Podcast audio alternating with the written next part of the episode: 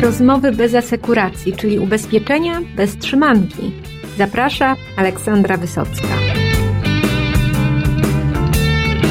Generali wprowadziło szereg nowych usług dla klientów korporacyjnych, które mają sprawić, że oferta e, ubezpieczenia będzie bardziej atrakcyjna, no i że e, w ostatecznym rozrachunku szkód będzie mniej. Na co dokładnie mogą liczyć klienci korporacyjni? Generalnie o tym opowie mój dzisiejszy gość, Bartłomiej Mateńka.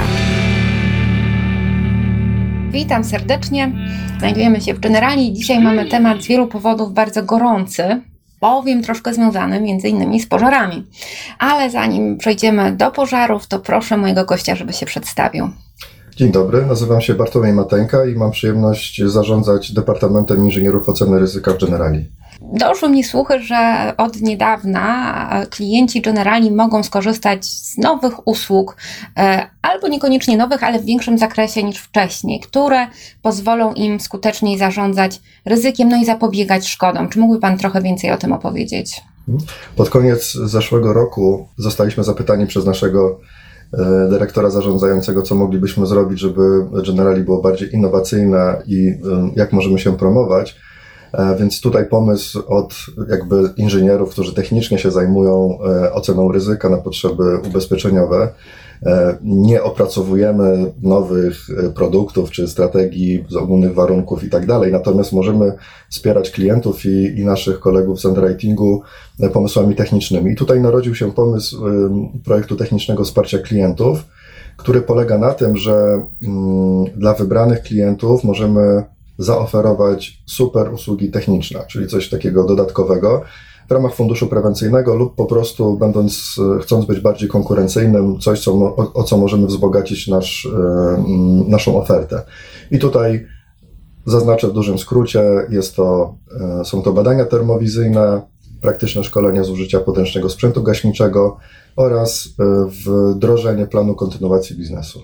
Może zaczniemy od tej termowizji. Rozumiem, że to są takie narzędzia, które pomagają wykryć usterki w instalacjach elektrycznych, gdzie potencjalnie może być e, pożar w najbliższym mhm. czasie. Czy, czy jak to dokładnie funkcjonuje? Tak, nie tylko usterki elektryczne, ale w dużym skrócie mm, ten pomysł i ta część projektu składa się z dwóch części.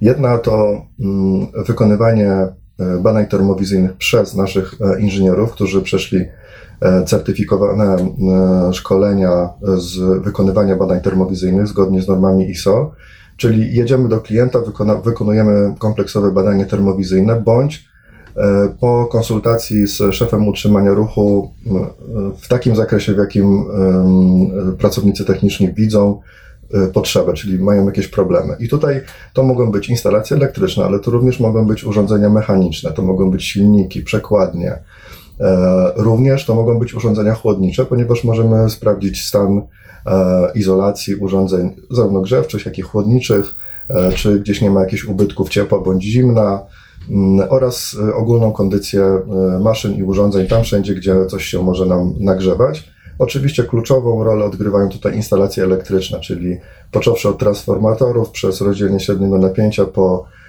rozdzielenie niskiego napięcia i szafy sterownicze.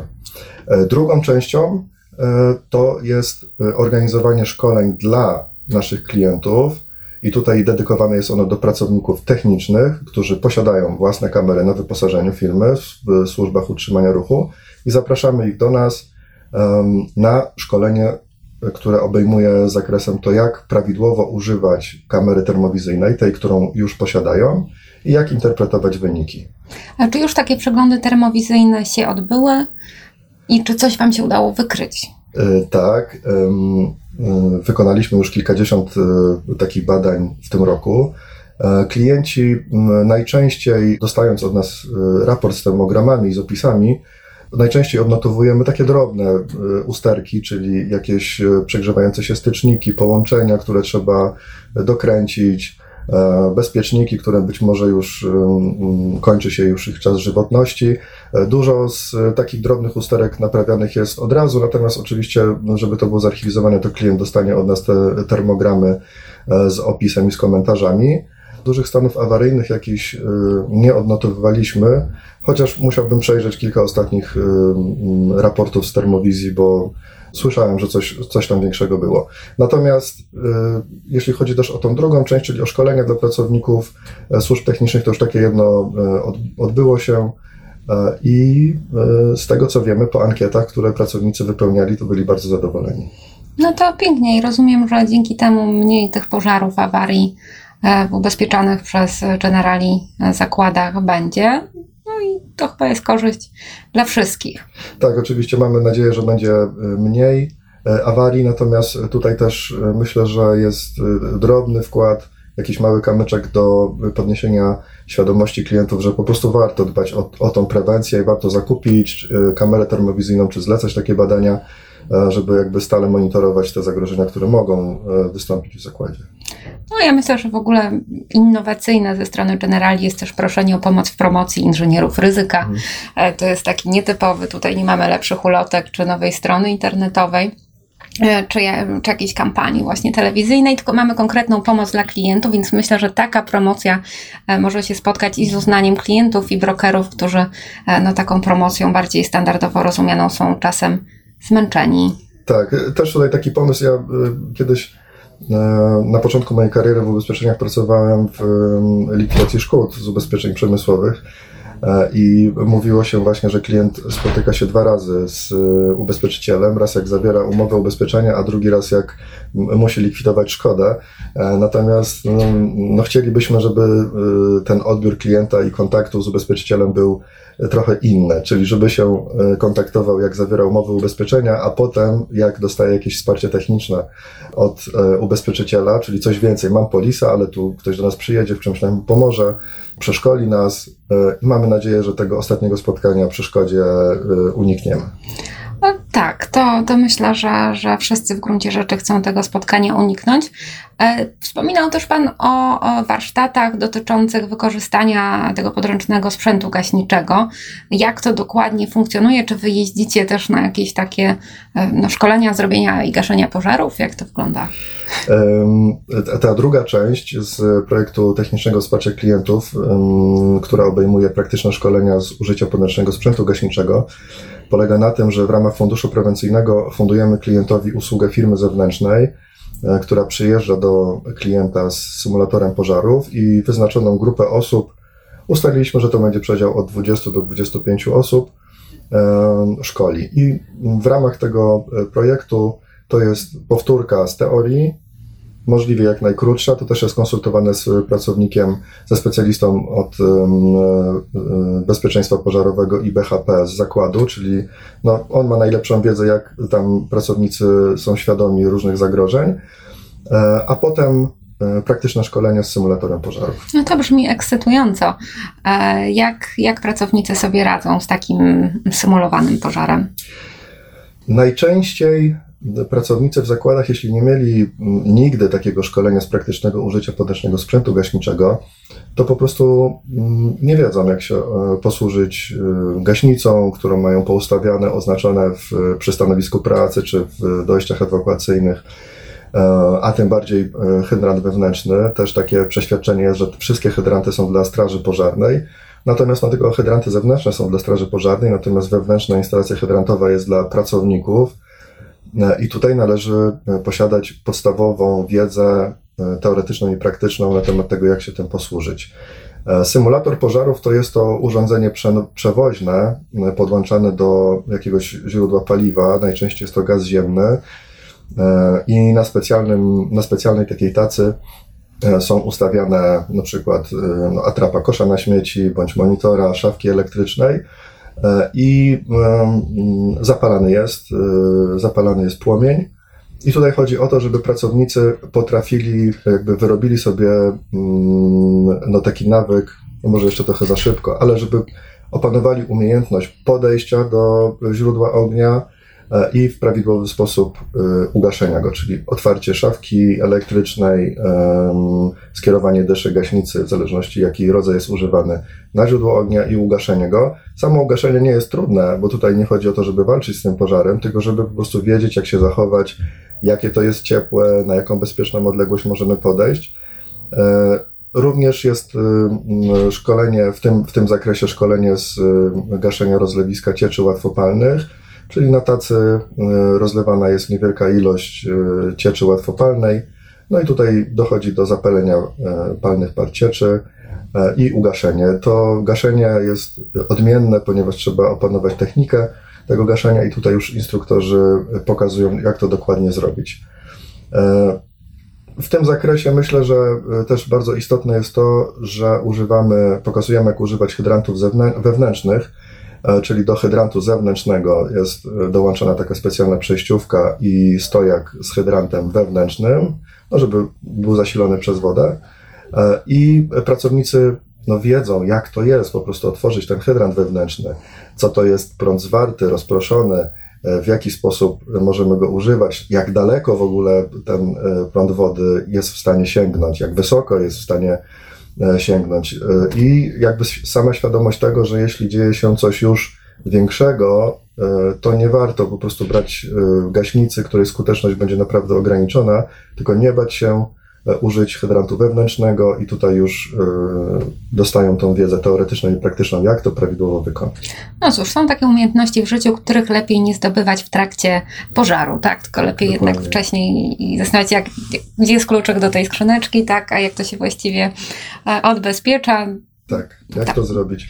No, niestety mamy dużo przypadków takich, z, o których dowiadujemy się od kolegów z likwidacji szkód, E, bądź już na samych audytach ubezpieczeniowych, kiedy klient opowiada o jakimś zdarzeniu i naprawdę zdarzają się sytuacje, e, które przy e, posiadaniu podstawowych umiejętności wiemy, że były banalne, ale one czasami potrafią być no, jakby bardzo kosztowne w skutkach, jeśli to nieprawidłowo zrobimy.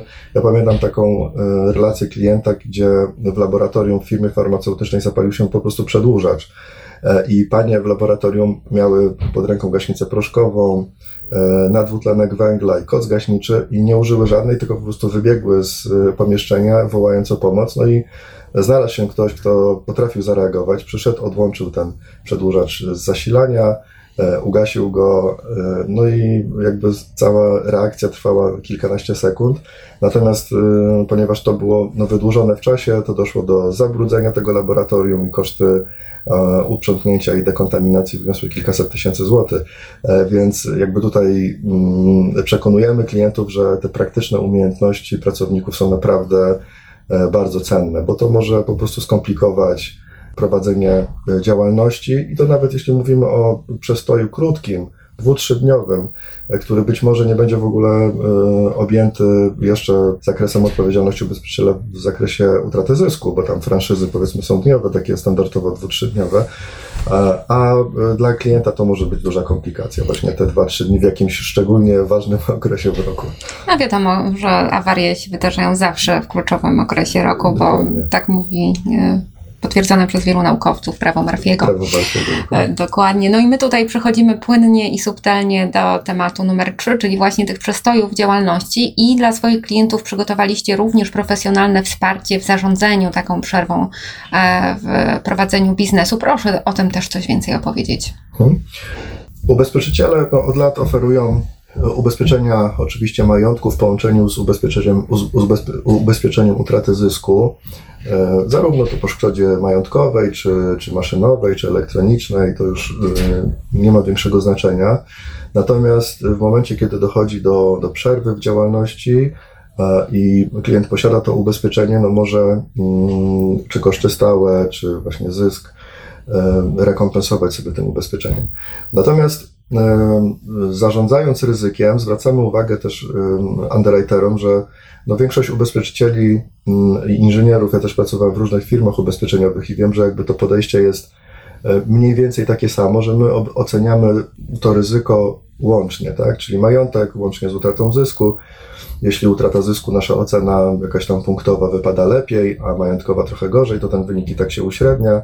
No i możemy mieć dwa podobne, e, dwie podobne oceny, czyli jakieś tam średnie wyniki, ale w jednym zakładzie to będzie powiedzmy średnio majątek i średnio utrata zysku, w innym to będzie bardzo dobrze zagadnienia majątkowe, ale bardzo słabo utrata zysku. No i w trzecim wypadku może być odwrotnie, czyli bardzo dobre zarządzanie tutaj ryzykiem utraty zysku, ale średnio, średnia ocena majątkowa. I tutaj jakby underwriter może spojrzeć na to, że mamy w sumie trzy takie same firmy, ale gdzieś y, badając to od, od środka wychodzi nam, że dwie być może są y, porównywalne, ale ta trzecia, gdzie bardzo słabiutko wypada nam to zarządzanie właśnie ciągłością działalności, no może spowodować duże problemy zarówno klientowi, jak i ubezpieczycielowi, bo mm, jakby tutaj wszyscy związani z branżą ubezpieczeniową wiedzą, że szkoda z utraty zysku może być znacznie, znacznie większa niż szkoda majątkowa. Ta szkoda majątkowa może zamknąć się w kilkudziesięciu tysiącach złotych, a szkoda z utraty zysku może pójść w setki bądź miliony. Natomiast y, jakby zwracamy uwagę na to, że też to ubezpieczenie utraty zysku to e, nie jest po prostu jakaś darmowa klauzula, którą klient dostaje po prostu w cenie, tylko to jest ubezpieczenie bardzo wyspecjalizowane i tutaj myślę, że koledzy z underwritingu mogliby o tym dużo, długo opowiadać. Natomiast od strony oceny ryzyka e, to też jest temat często przez klienta jakby pomijany. I to nie chodzi o to, że on to bagatelizuje, tylko że nie ma po prostu świadomości tego, z jakimi to zagrożeniami może się wiązać. No i rozumiem, że e, Wasza pomoc e, polega na tym, znaczy Wasza przez Was dostarczana, rozumiem, że też tu partner zewnętrzny jest. Tak. E, co konkretnie należy zrobić w sytuacji X, która doprowadzi do przerwy w działalności? Tutaj jakby zaczynając temat zupełnie od początku już jakby zarządzania tym bezpieczeństwem ciągłości działalności, to oczywiście wszyscy inżynierowie z mojego zespołu posiadają wiedzę na temat tego, jak to zbadać, tak? jak, jakie pytania zadać klientowi, żeby to zweryfikować. Czy klient w ogóle myśli o tym, czy on zdaje sobie sprawę z tego, jakie to może być trudne. I tutaj wyniki po audytach są różne, tak? Czyli spotykamy się z klientami, którzy temat bagatelizują, bo wydaje im się, że no w sumie cóż może im zagrozić, no jak coś się stanie, to oni, nie wiem, zlecą coś na zewnątrz albo przeniosą się do innej lokalizacji i w sumie wielkiego zagrożenia nie ma. E, inne firmy mm, to są e, firmy, które może nie do końca zdają sobie sprawę e, z powagi sytuacji, natomiast są na tyle dobrze zorganizowane, że naprawdę zabezpieczają się, czyli powiedzmy nam dostawcy, zdywersyfikowani odbiorcy, sieć rozproszona odbiorców, duża zastępowalność maszyn produkcyjnych, e, możliwość przeniesienia magazynów wyrobów gotowych i specyfika ich działalności jakby troszeczkę im pomaga, a to, że są dobrze przygotowani od strony w ogóle zarządzania produkcją i sprzedażą, to daje nam całkiem niezły wynik, mimo że oni jakby specjalnie może o tym nie myślą. E, I trzecia część e, klientów to są klienci, którzy zwracają już na to uwagę, czyli w jakikolwiek sposób to starają się opanować. Mm, I tych trze te, tą trzecią część klientów możemy podzielić na tych, którzy sami posiadają jakąś wiedzę, bo ktoś im to wcześniej sugerował, czy być może o tym czytali, e, czy być może w któryś z, podczas któryś systemów certyfikacji się o tym dowiedzieli i to wdrożyli w jakiejś części. Mm, bądź kontrahenci na nich to wymogli, czyli mm, no, są duże firmy, które korzystają z podwykonawców i oni czasami e, stawiają wymagania odnośnie zabezpieczeń, możliwości przeniesienia produkcji i właśnie opracowanych e, planów kontynuacji działalności.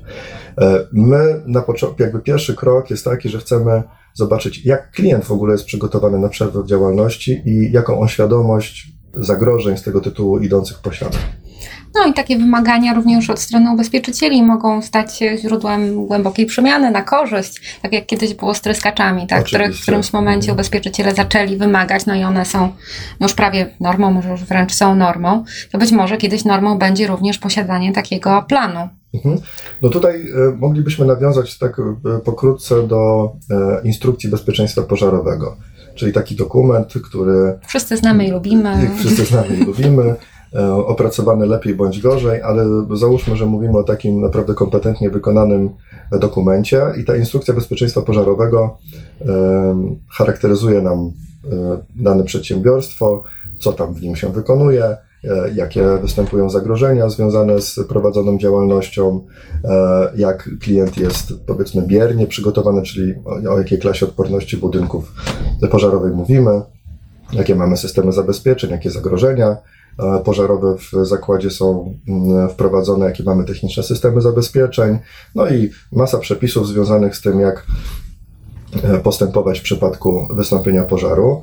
E, I ten dokument jakby zakładamy, że oczywiście każdy się z nim zapoznaje, z pracowników i dokładnie wie, z jakimi zagrożeniami ma do czynienia. I tutaj e, można by powiedzieć, że taki, taki dokument daje świadomość pracownikom i zarządowi o tym, z jakimi zagrożeniami mamy do czynienia, jak stoimy e, w świetle przepisów prawa oraz czy zrobiliśmy coś więcej, czy może rzeczoznawca do spraw do, do spraw bezpieczeństwa pożarowego nam coś doradził więcej e, i jak bezpiecznie się możemy czuć.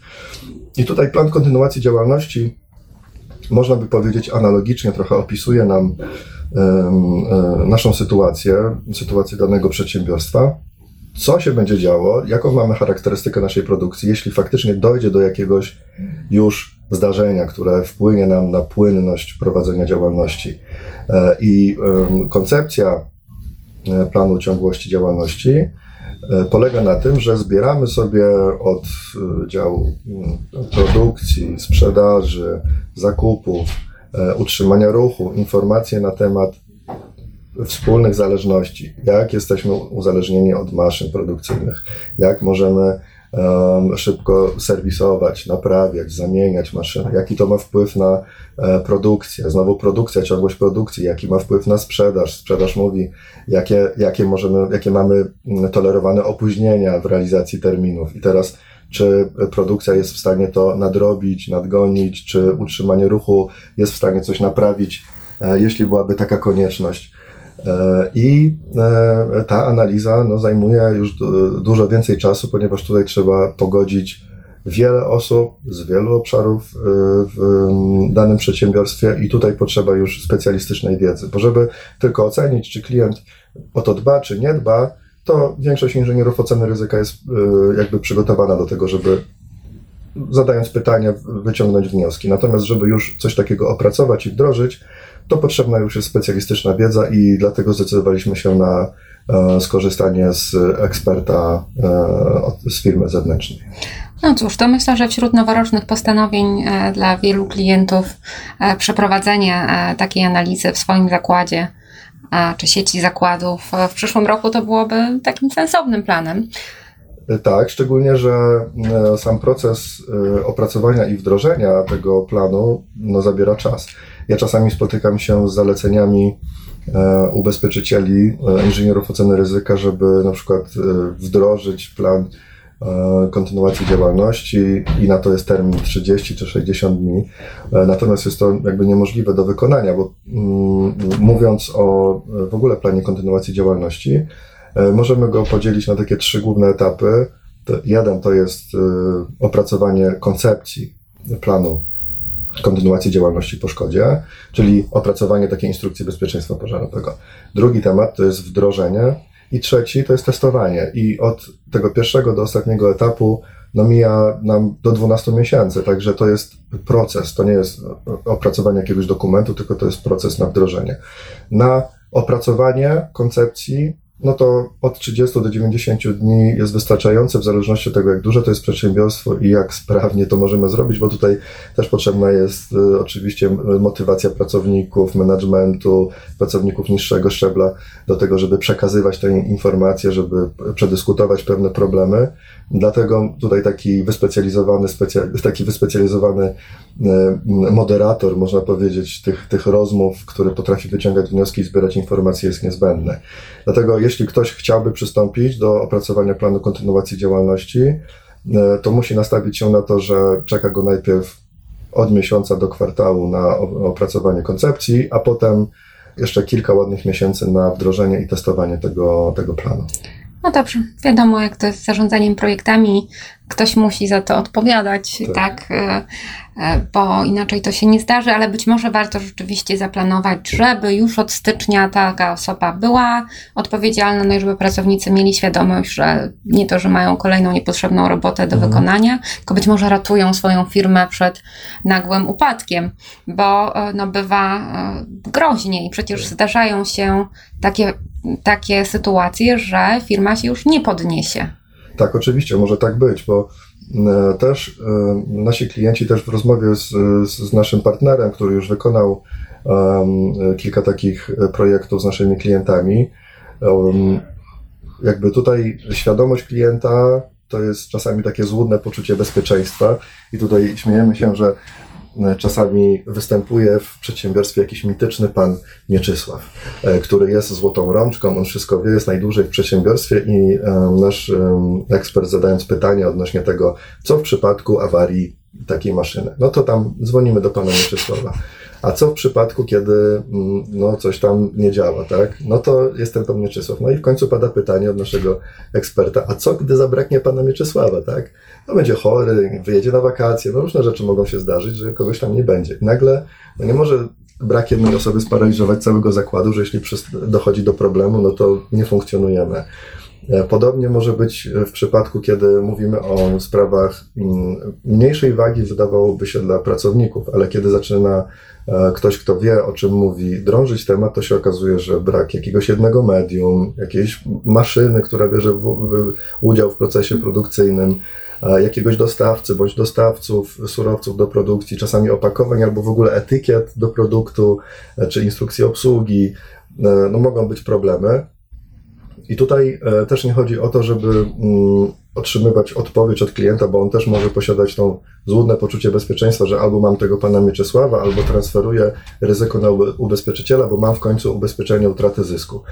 E, tylko mm, no, jesteśmy w tym miejscu w Europie, gdzie jesteśmy. Nasz przemysł no, jest bardzo często mm, po prostu podwykonawcą e, i konkurencja jest naprawdę olbrzymia.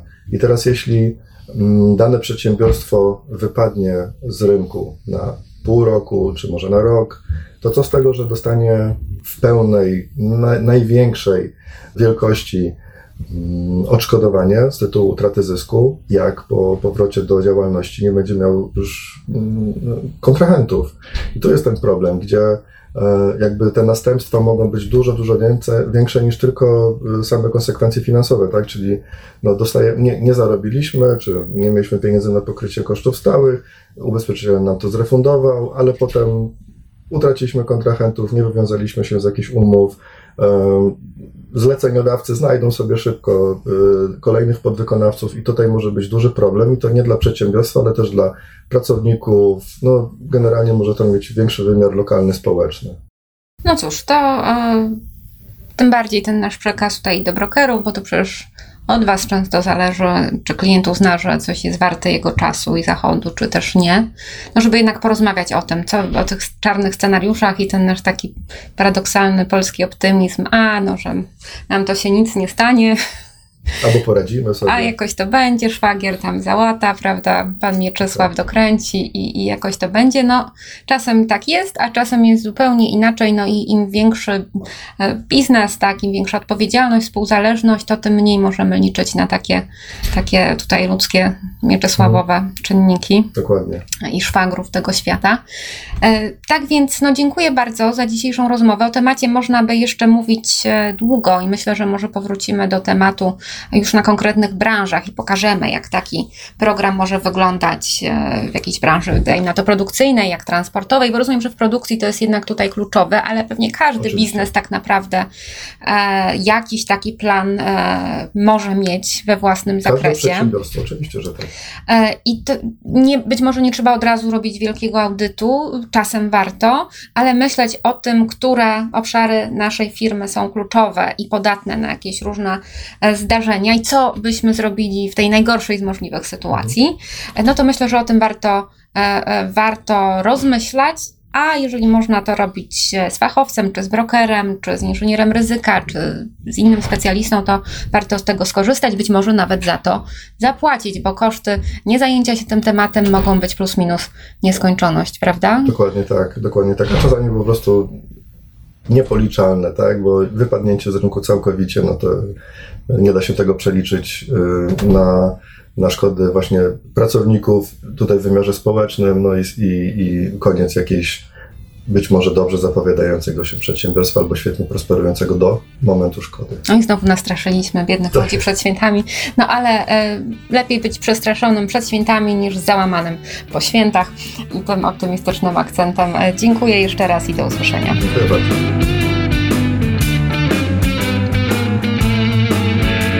Dziękuję bardzo za wspólnie spędzony czas. Zapraszam do słuchania innych odcinków e, podcastu ubezpieczeniowego Rozmowy bez asekuracji.